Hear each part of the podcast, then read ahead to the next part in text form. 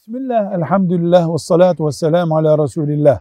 Peygamber sallallahu aleyhi ve sellemin parmağında kullandığı mühür şeklinde bir yüzüğü vardı. O yüzüğün üstünde de Muhammedun Resulullah yazıyordu. Onu mühür olarak kullanıyordu. Yabancı insanlarla yazışırken altına mühür yapma o zaman bir adetti şimdi olduğu gibi.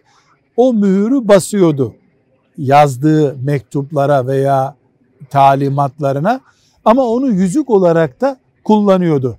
Daha sonra e, sahabelerden Ebu Bekir radıyallahu anh, Ömer radıyallahu anh bu yüzüğü kullandılar devletin başı olarak. Osman radıyallahu anh da bunu kullanıyordu ama bir kuyuya düşürdü ve yüzüğü kaybetti. Ondan sonra da bir daha bulunamadı. Peygamber sallallahu aleyhi ve sellemin böyle metalden yapılmış bir yüzüğü vardı. Velhamdülillahi Rabbil alemin.